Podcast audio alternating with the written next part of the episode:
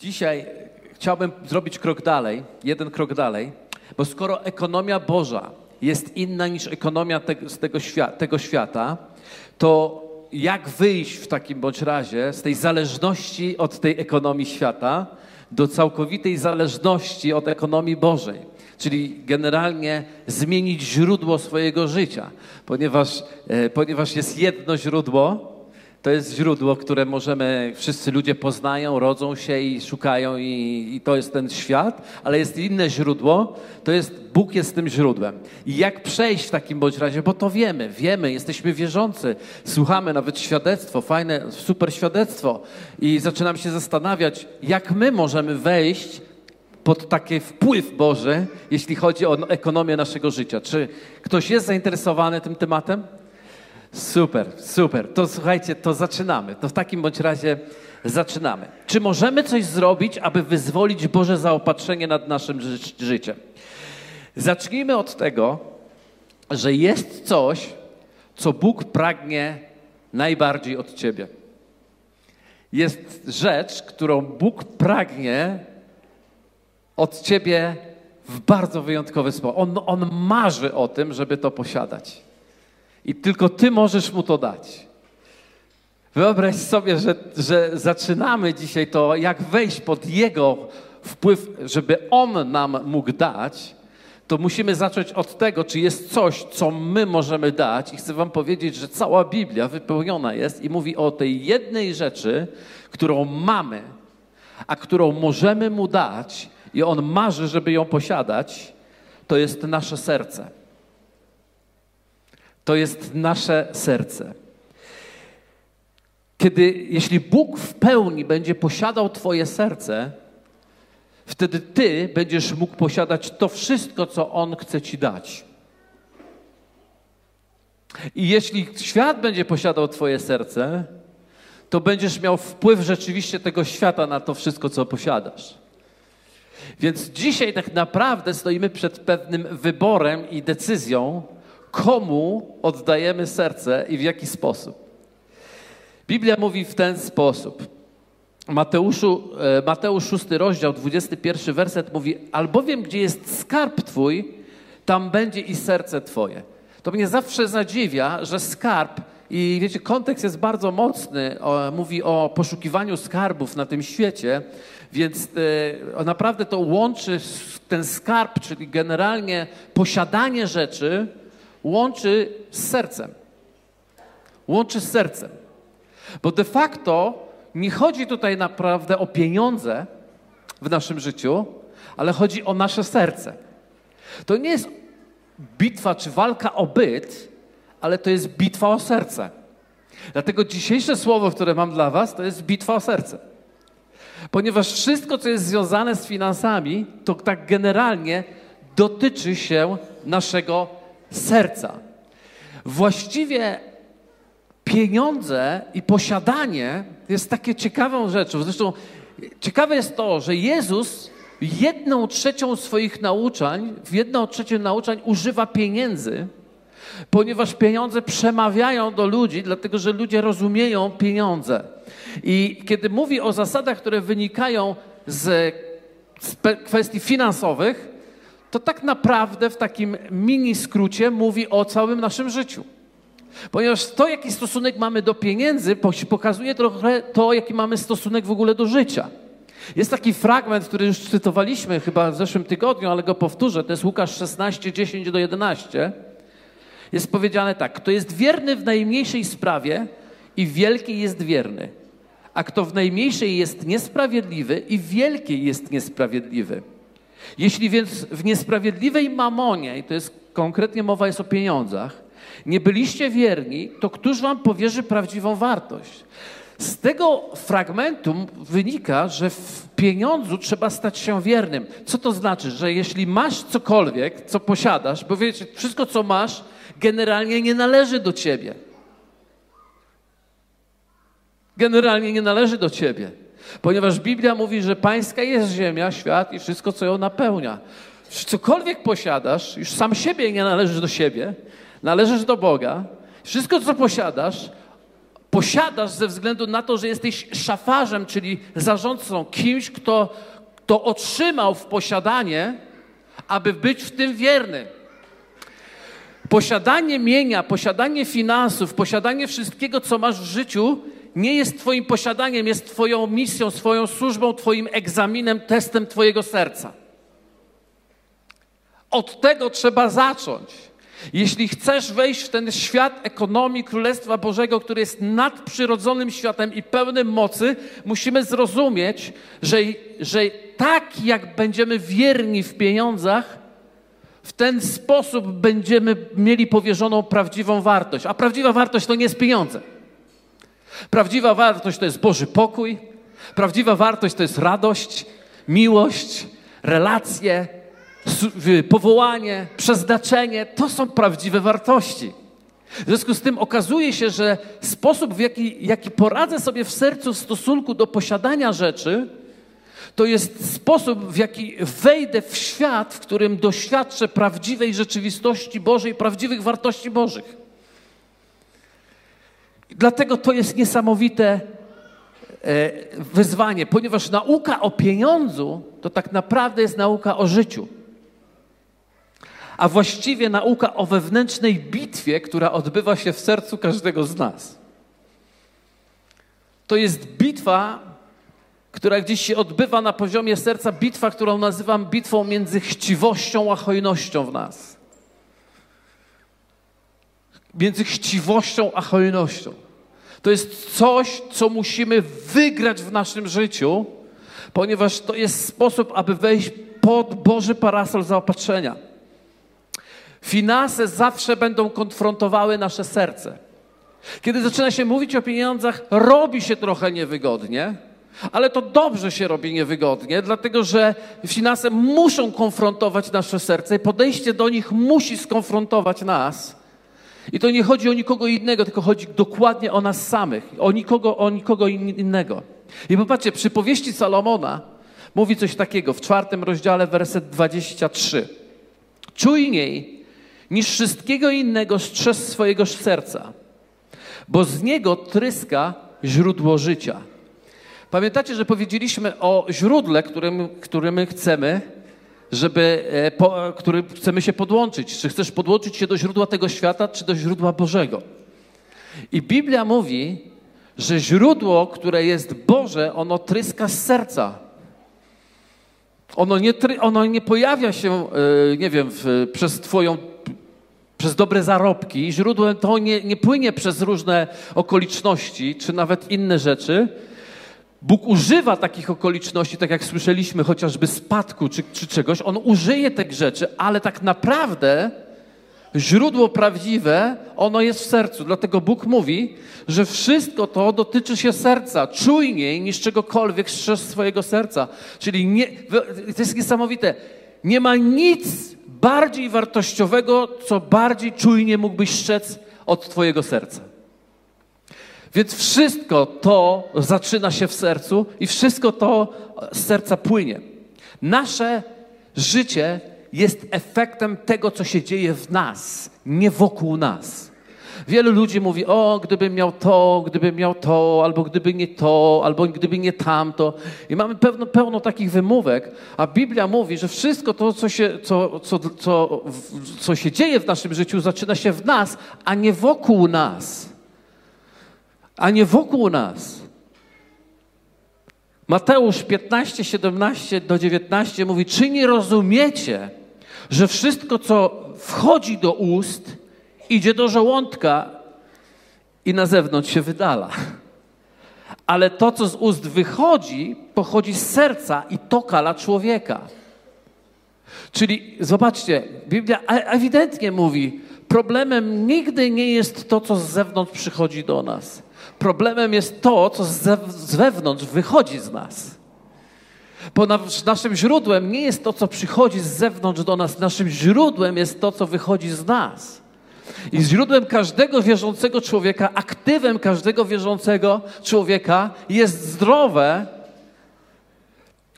odnowione i uratowane serce. Dlatego każdy z nas powinien podejmować pracę nad swoim własnym sercem, bo to jest źródło, z którego płynie nasze życie. Z niego tryska źródło życia. I okazuje się, że z serca może tryskać źródło życia Bożego, ale również z serca może tryskać wszystkie rzeczy nieczyste, które nas kalają. Dlatego tak bardzo ważne jest to, że to, to, nie tylko to, że po prostu powiedziałeś, Jezu, teraz bądź moim Panem i aleluja i teraz ja jestem już pod parasolem i teraz już będzie wszystko dobrze, ale troszkę trzeba przejść terapię serca, troszkę przejść przez uzdrowienie serca, ponieważ z niego będzie tryskało źródło życia albo nieczystość, która będzie nas kalać. To nie rzeczy nie zewnętrzne cię kalają, ale te, które z ciebie pochodzą. To nie rzeczy, to nie rzeczy po prostu yy, zewnętrzne ciebie błogosławią, ale te, które z ciebie wychodzą.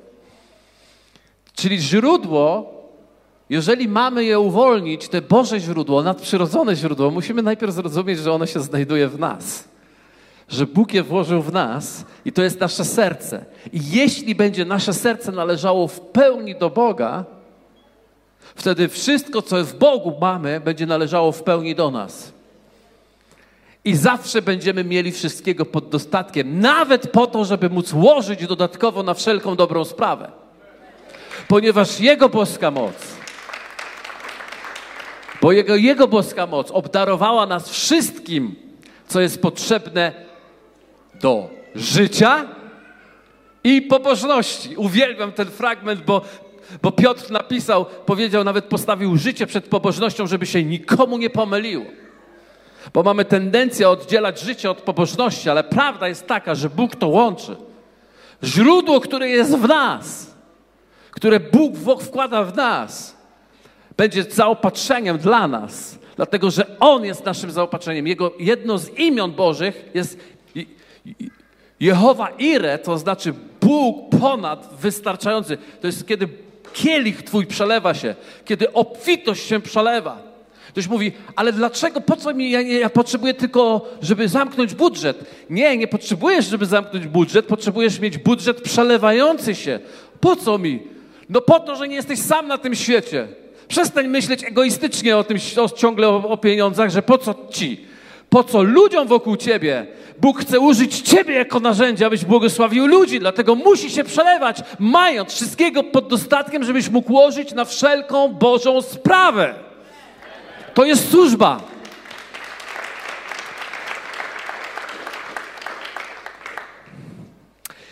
Jest niesamowita historia, która dotyczy serca. Wszyscy ją znacie. Były dwie, dwa takie niesamowite wydarzenia. Któregoś dnia Jezus wyprowadził lud, poszedł za nim na pustynię. Było tam powiedziane, że chyba pięć tysięcy mężczyzn jeszcze nie było powiedziane ile pewnie kobiet i, i, i, dzieci, ale no więc na pewno było bardzo dużo, bo licząc nas zawsze, że za Jezusem więcej kobiet zawsze idzie, no to już samo za się mówi ale było ich bardzo dużo. I e, ludzie zaczynali być głodni. I zaczynali, e, uczniowie mówią do Jezusa, chleba, chleba nie ma. Lud głodny, roześlij ludzi. I pamiętacie tę historię? Jezus wziął i mówi, co czy tu jest jakiś chleb? I, I chłopak przyszedł, przyniósł swój lunch, miał tam pięć chlebków, dwie ryby. I Jezus pobłogosławił i dokonał cudu nadprzyrodzonego cudu, który się nazywa pomnożeniem. Pomnożył żywność. Sprawił, że wszyscy się najedli, a kiedy się wszyscy najedli, zebrali kosze, chyba 12 koszów, jeszcze resztek zebrali po tym, jak się wszyscy najedli przez rozmnożenie chleba. I to wszyscy znają, ale nie wiedzą, że potem jest druga taka sytuacja, wielu nie wie, że to nie jest jedyne rozmnożenie chleba, ponieważ jest druga sytuacja, chociażby w ósmym rozdziale, pierwszym wersecie Marka możecie czytać, że z tym razem znajduje się około czterech tysięcy osób i jest ta sama sytuacja, gdzie nie ma chleba i Jezus podejmu- zaczyna, rozmnożył ten chleb i wtedy zebrali siedem koszy tych ułomków. Po raz drugi. I wiecie, kiedy tak już zrobił ten ponowny cud, czyli stał się źródłem dla ludu podążającego za nim, prawda? On stał się źródłem, zaopatrzeniem dla ludzi podążających za Jezusem. No i jak już to zrobił, ledwo skończyli jeść, ledwo się najedli, ruszyli w podróż na drugą stronę jeziora czy morza Genezaret. I wiecie, co się stało? Uczniowie zaczęli rozprawiać ze sobą, że chleba nie mają. Wiecie, zapomnieli zabrać ze sobą. Jezus mówi, uważajcie na kwas faryzeuszów, bo to on zakwasza całe ciasto. I oni sobie przypomnieli, no ciasto, no ludzie, chleba nie wzięliśmy. Chleba nie wzięliśmy. Czyli ci uczniowie, którzy przed chwilą brali udział, wiecie, gdzie ten chleb się rozmnażał? Jezus błogosławił, dawał uczniom, a oni łamali i rozdawali ludziom. W ich rękach, apostolskich rękach się pomnażał ten chleb. Oni to widzieli. Byli częścią cudu nadprzyrodzonego zaopatrzenia Bożego. Raz, a potem drugi raz. I wiecie, co się stało? Siedzą w łodzi, zapomnieli tego bochenka kolejnego. I zaczęli rozprawiać. Ty zapomniałeś, nie, ty zapomniałeś, ty zapomniałeś. I wiecie co? I popatrzcie. W, Ma w Marku, ósmym rozdziale, siedemnasty werset. Zauważył to Jezus i rzekł do nich. O czym rozmawiacie? Czy o tym, że chleba nie macie? Jeszcze nie, nie pojmujecie i nie rozumiecie? Czujecie tę tą siłę? Jedno rozmnożenie, drugie. Wy mówicie o chlebie? Czy nie pojmujecie i nie rozumiecie? I, i zobaczcie, i nagle pokazuje, od razu pokazuje problem. Czy serce wasze jest nieczułe? Czy widzicie, że problem strachu przed posiadaniem tego, co włożę do garnka, tego, za co zapłacę rachunki, tego, za co zapłacę ZUS, tego wszystkiego, za co pojadę nawet na wakacje, bo to teraz też jako kryzys się uznaje. Więc tego wszystkiego jest, jest nie w tym, co masz w portfelu tak naprawdę, ale w tym, jakie, jak bardzo masz czułe serce i otwarte na Boże działanie i zaufanie Bogu. Strach to nieczułe serce i niezrozumienie tego, kim jesteśmy w Chrystusie i jak rządzi się ekonomia Królestwa Bożego. Na nią nie ma miejsca na strachu w ekonomii Królestwa Bożego. Nie ma na to miejsca, ponieważ ktoś musi zrozumieć, ktoś musi pojąć i ktoś tu musi mieć czułe serce na to, co Bóg robi.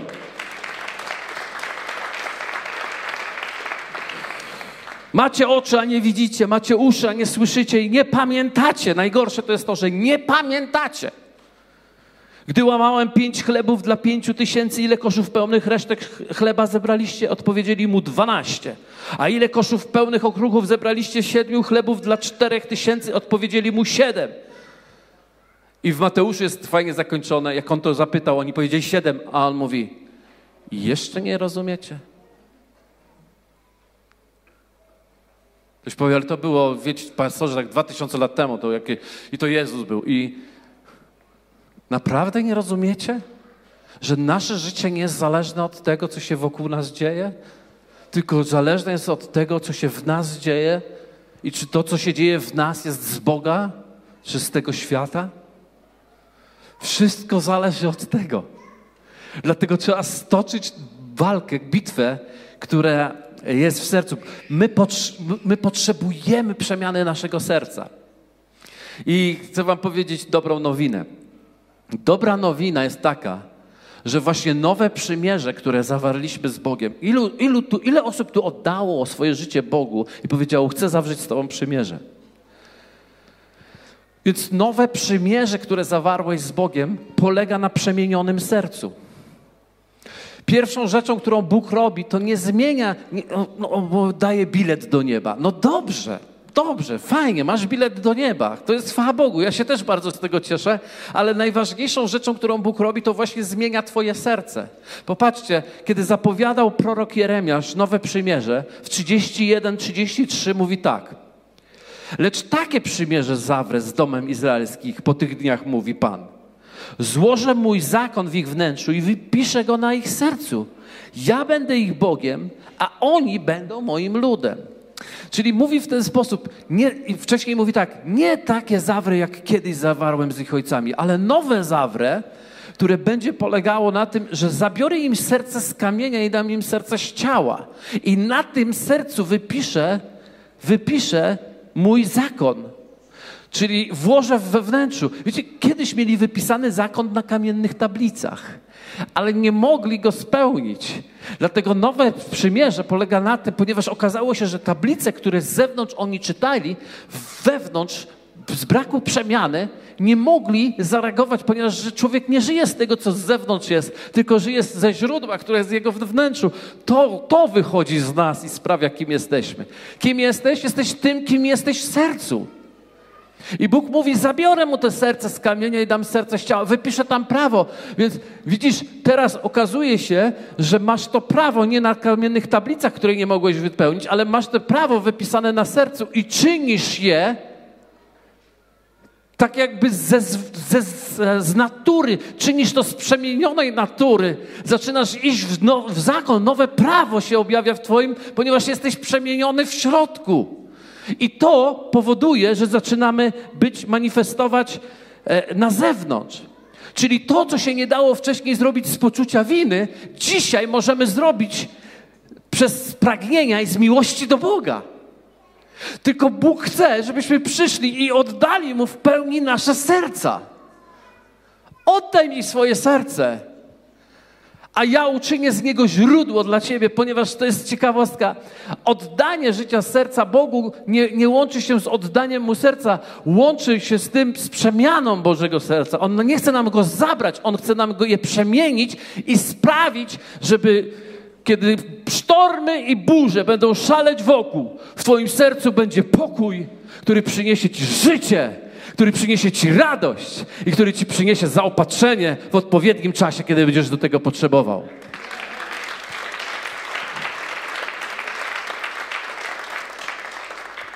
Wszystko chodzi o to, że życie z Chrystusem to jest po prostu reakcja na Jego miłość.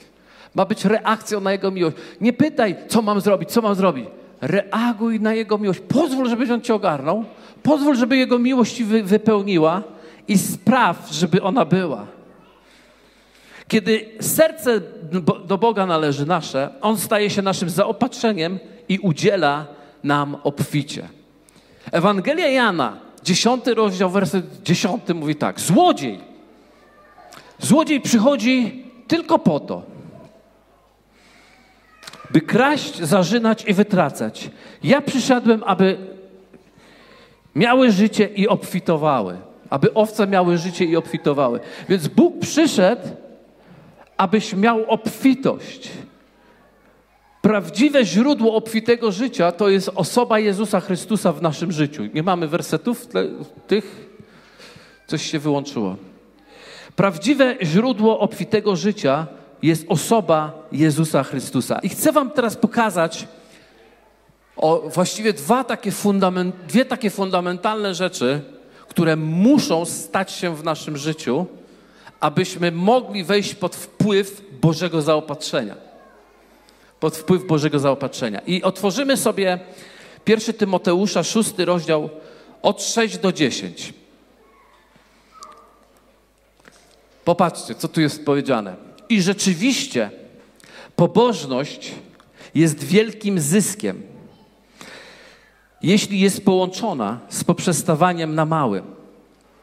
Pozwólcie, że wyjaśnię ten fragment, bo on może, e, on wprowadza wiele zamieszania, ponieważ on nie jest do końca dobrze przetłumaczony. E, dlatego, że to, co Paweł mówił, mówi w kontekście finansów. Absolutnie odnosi się tutaj do, do finansów, do, do tego, e, do pomocy też finansowej i tak dalej. I w pewnym momencie mówi tak. Chce przeszczec i mówi tak, musicie pewną walkę w sobie stoczyć. I, I mówi tak, rzeczywiście, czyli innymi słowy, to jest prawda, że pobożność, czyli pobożność, to można zrozumieć w ten sposób, to jest całkowite powierzenie swojego życia Bogu. Czyli jakbyśmy powiedzieli, i rzeczywiście całkowite powierzenie swojego życia Bogu jest wielkim zyskiem. I słowo zysk tutaj naprawdę nie jest duchowe tak bardzo, dlatego że to jest słowo porismos, które oznacza źródło zysku, zaopatrzenia, pensja, finanse. Innymi słowy, źródłem zysku jest nasze należenie do Boga. Rzeczywiście, Paweł wyjaśnia, mówi, to jest fakt, że jak jesteś w całości, należysz do Boga, to powoduje, że człowiek obfituje nie tylko w te duchowe wymiary, ale rzeczywiście obfituje również finansowo. I mówi dalej tak. Jeśli jest połączona z poprzestawaniem na małym. Co to jest poprzestawanie na małym? W ogóle yy, medal dla tego, który to tak przetłumaczył. Jakiś tam związek ma, ale posłuchajcie sami. Tu jest słowo autarkeia Definicja jest taka: idealny stan życia, w którym nie jest potrzebna pomoc czy wsparcie. Dostateczna potrzeba życia, umysł, umysł zadowolony z jego losu. Zadowolony, wystarczający. Innymi słowy, Paweł mówi tak: Życie pełne dla Boga jest rzeczywiście, przynosi zysk również finansowy, pod warunkiem, że jesteśmy wdzięczni i zadowoleni z życia.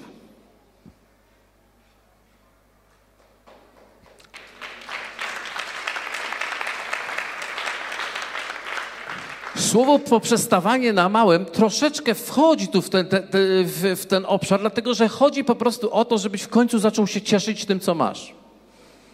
Czyli wdzięczność nie poprzestawaniem, czyli ja już więcej nie chcę, to jest błędne rozumienie. Poprzestawanie na mały chodzi tutaj o to, żebyś mając to, co już masz, był wdzięczny.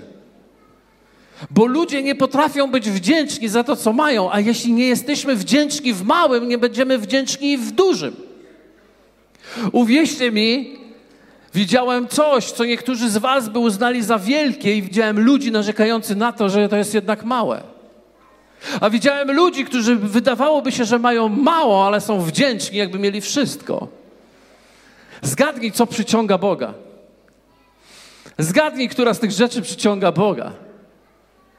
Bóg mówi: zacznij być wdzięczny i uszanuj już to, co masz, i dziękuj, że masz. To jest warunek, żeby cała Twoja pobożność, całe Twoje należenie do Boga sprawiło, że obfitość jeszcze większa przyjdzie do Ciebie.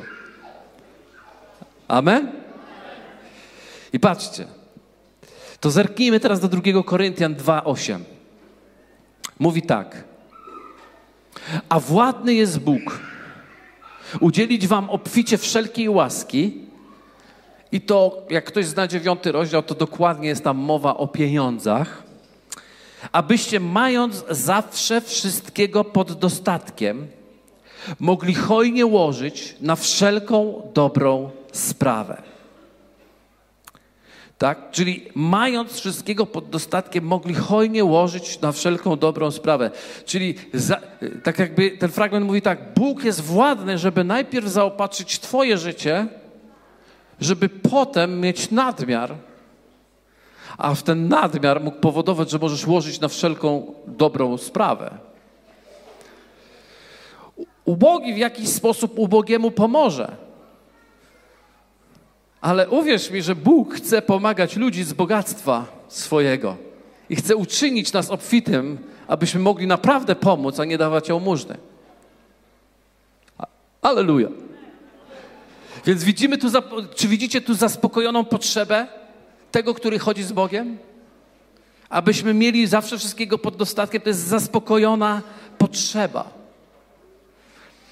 A poprzestawanie na małym, czyli to to zadowolenie z tego, co mam, to jest pokonanie chciwości w nas, porządliwości w nas, która woła ciągle o więcej. Nie uci- Dlaczego się nie cieszymy z tego, co mamy? Bo ciągle coś w nas woła więcej i nie możemy sobie z tym poradzić. Więc szaleństwo. Z jednej strony mówię, Bóg chce dać więcej, ale z drugiej strony mówię, musimy sobie poradzić z tym, co do nas woła ciągle w nas, chce więcej. Jeśli poradzisz sobie z tym, chce więcej, Bóg poradzi sobie z tym, żeby dać ci więcej. Ponieważ Bo Boga nie martwi to, ile ty posiadasz. Boga martwi tylko to, czy to, co posiadasz, nie posiada ciebie.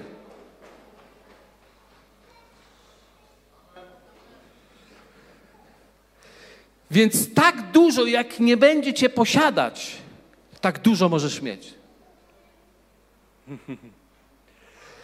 Taka kwota, która nie zwiąże ciebie, ją możesz mieć. Prawdopodobnie posiadasz właśnie dokładnie taką kwotę w swoim życiu, do której twoje serce sobie radzi.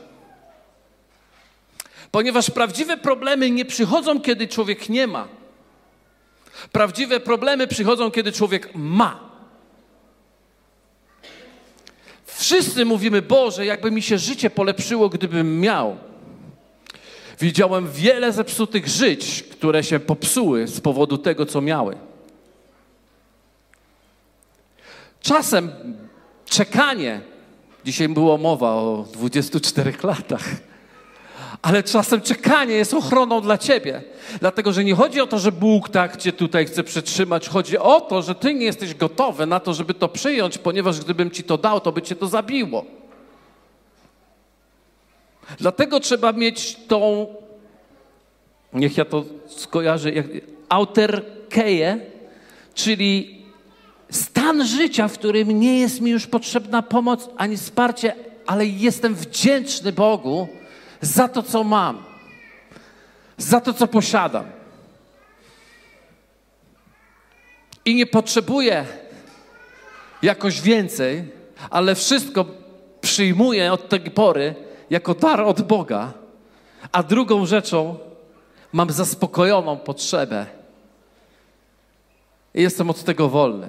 Więc zaspokojona potrzeba równa się pokonanie w sobie chciwości. I teraz to, co chcę powiedzieć. Pobożność z pokonaną chciwością jest źródłem wielkiego zysku. Jest źródłem wielkiego zysku. Siódmy werset mówi tak, albowiem niczego na świat nie przynieśliśmy, dlatego też niczego wynieść nie możemy. Jeśli zatem mamy wyżywienie i odzież, poprzestawajmy na tym, czyli bądźmy zadowoleni wdzięczni.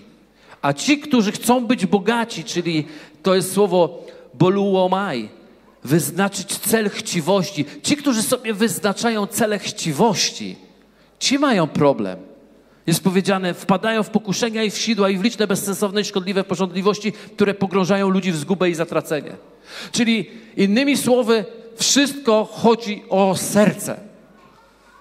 Cała sprawa toczy się w boju o Twoje serce, żeby w miejsce chciwości wprowadzić hojność życia i żeby pokonać w sobie ciągłe narzekanie i zacząć być wdzięcznym Bogu, że w Jego rękach jest moje życie. I to uwolni ogromne błogosławieństwo nad Twoim życiem. Okay. Chcę, żeby na koniec pokazać Wam dwie historie. Dwie historie dotyczą ludzi bogatych. Bardzo lubię te dwie historie ze sobą zestawiać, bo jest jeden bogaty i drugi bogaty i różnią się czymś. Okazuje się, że bogaty to niekoniecznie zły, bo jeden bogaty jest dosyć dobry, chociaż był zły, a drugi jest, jest zły, chociaż był dobry. Wiem, że to skomplikowane, ale zaraz wam, zaraz wam pokażę. Pierwszy bogaty był dobry, okazał się złym, a drugi bogaty był złym, ale okazał się dobrym. Szaleństwo, jak to wszystko posklejać, ale wiecie, to jest właśnie w tej logice ducha. Człowiek nie, nie, zawsze łapie o co chodzi, ale kiedy przeczytamy słowo, nagle rozumiemy. Więc pierwszy z nich nazywał się, znamy go z, nie z imienia, ale znamy go jako młodego, młodzień, bogatego młodzieńca. Bogaty młodzieniec, nawet jego imię nie jest pokazane. Łukasz 18, 18, 23. I zapytał go pewien dostojnik tymi słowami. Nauczycielu dobry, co mam czynić, aby odziedziczyć żywot wieczny? Rzekł do niego Jezus. Dlaczego zwierz mnie dobrym? Nikt nie jest dobry, tylko jeden Bóg. Znasz przykazania. Nie cudzołóż, nie zabijaj, nie kradnij, nie mów fałszywego świadectwa, czci ojca swego i matkę swoją. Ten zaś rzekł, tego wszystkiego przestrzegałem od młodości, a gdy Jezus to usłyszał, rzekł do niego: Jeszcze jednego ci brakuje. Sprzedaj wszystko, co tylko masz, rozdaj ubogim, a będziesz miał skarb w niebie. A potem przyjdź i naśladuj mnie. Ten zaś usłyszawszy to, zasmucił się, był bowiem bardzo bogaty. Wiecie co? On nie tylko był bardzo bogaty, ale on był bardzo przestrzegał wszystkich praw. Od swojej młodości pilnował swoje życie. Był prawdopodobnie, jeśli chodzi o, o etyczność, był na, na bardzo wysokim poziomie, niezwykle wysokim poziomie. On przestrzegał przykazań. I, i, I, dlaczego przestrzegał? Dlatego, że wierzył, że jak będzie przestrzegał przykazania, to będzie zbawiony. To będzie zbawiony. No i do, dobrze, tak by, to by w sumie racja, tylko gdyby, gdyby przestrzegał wszystkich przykazań, to byłby zbawiony. Ale nie wiedział, że ma pewien problem. I popatrzcie, on przychodzi do Jezusa po co? Przychodzi do niego i, mu, i zadaje mu pytanie: Co mam czynić? Co mam czynić, aby być zbawionym? Jezus mówi, no jeżeli chcesz coś uczynić, no to mam dla ciebie dobrą i niedobrą nowinę, ponieważ możesz coś czynić, czyli nie zabijaj, nie cudzołóż, nie kradnij, co? Mówi prawo. Możesz przestrzegać prawa i wtedy będziesz zbawionym. Tylko, że wiecie, jest to radosna, ale i nieradosna nowina, dlatego, że wszyscy wiedzą, że nikt nie może przestrzegać prawa. Każdy, wszyscy okazali się niesprawiedliwi i nie dali rady przestrzegać każdego prawa. A on mówi, a no to ja jestem super, bo ja już przestrzegam ich od młodości, więc jest ekstra, nie? To już chyba jestem zbawiony. A Jezus mówi, tylko wiesz co, tylko jednego, o jednym tak mi się teraz przypomniało, to w takim bądź razie, jak przestrzegasz prawa, to sprzedaj wszystko, co masz i rozdaj ubogim i chodź za mną. I nagle się okazało, że ma bardzo podstawowy problem, ponieważ ma problem z pierwszym przykazaniem które brzmi: Nie będziesz miał bogów cudzych obok mnie. Ponieważ pieniądz okazał się tak ważny, że nie był w stanie tego sprzedać, ponieważ bogactwo było tak wielkie, że nie mógł się z nim rozstać. I okazało się, że na jego pierwszym miejscu wcale nie był Bóg, ale jego na pierwszym miejscu były pieniądze. I dlatego poszedł i rozszedł, odszedł sfrustrowany. Nie dał nic i odszedł zasmucony. I teraz kartkę dalej w Twojej Biblii, w Łukasz 19, jest mowa o drugim bogatym człowieku. Jego już znamy z imienia. Zacheusz. Zacheusz. Posłuchajcie, co Zacheusz zrobił. I wszedł do Jericha, Jezus, przechodził przez nie. A oto mąż imieniem Zacheusz, przełożony nad celnikami, człowiek bogaty, pragnął widzieć Jezusa, kto to jest, lecz nie mógł z powodu tłumu, gdyż był małego wzrostu. Pobiegł więc naprzód i wyszedł, wszedł na drzewo sykomory, aby go ujrzeć, bo tamtędy miał przechodzić. A Jezus przybył na to miejsce, spojrzał w górę i rzekł do niego: Zacheuszu, zejdź śpiesznie, gdyż dziś muszę się zatrzymać w twoim domu. I zszedł śpiesznie i przyjął go z radością. A widząc to, wszyscy szemrali, mówiąc do człowieka grzesznego, przybył w gościnę. Zacheusz zaś i rzekł do Pana: Panie, oto połowę majątku mojego daję ubogim, a jeśli na kim co wymusiłem, jestem gotów oddać czwórnasób.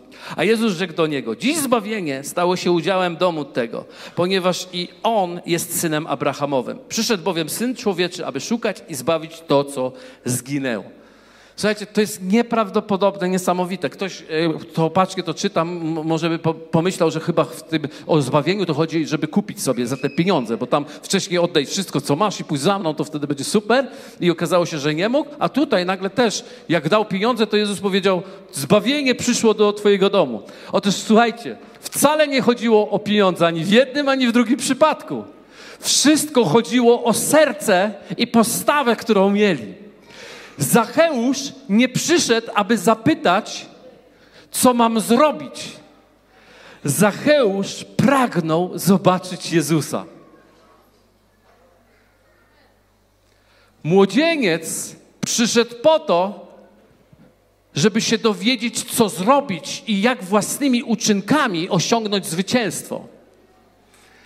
Zacheusz wiedział, że jest w takim ciemnym dolinie życia, że tutaj nawet nie próbował zapytać, co ma zrobić.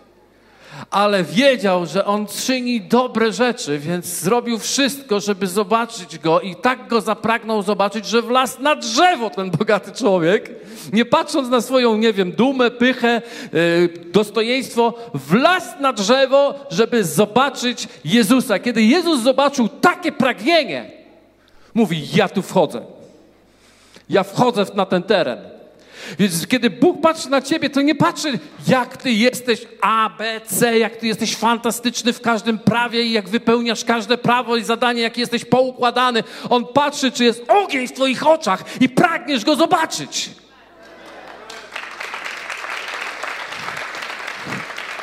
I, I zobaczcie, jaki efekt. Jezus przychodzi i ta obecność Jezusa sprawia, to nie, to nie, Jezus mu nic nie mówi. Ta obecność sprawia, że nagle jego serce się zmienia i mów, wiecie, on ludzi okradał. On był celnikiem. On był grzesznikiem. Ale obecność Jezusa sprawiła taką przemianę serca, że mówi: Połowę mojego majątku. no, to coś się nie zgadza. Przecież miał być cały w tamtym przypadku. W tamtym przypadku ma być cały, ale w tym przypadku połowa jest to wszystko. Dlaczego? Dlatego, że Jezus nie chodzi tak naprawdę o te pieniądze. Chodzi o serce, które w tym masz. Połowa majątku daje ubogim. A jeśli kogoś skrzywdziłem, czterokrotnie oddaję. Jego zmiana serca spowodowała z chciwego dziada hojnego dawcę, który dał ogromną część majątku, aby błogosławić ludzi, bo tak kończy się prawdziwe spotkanie z Jezusem.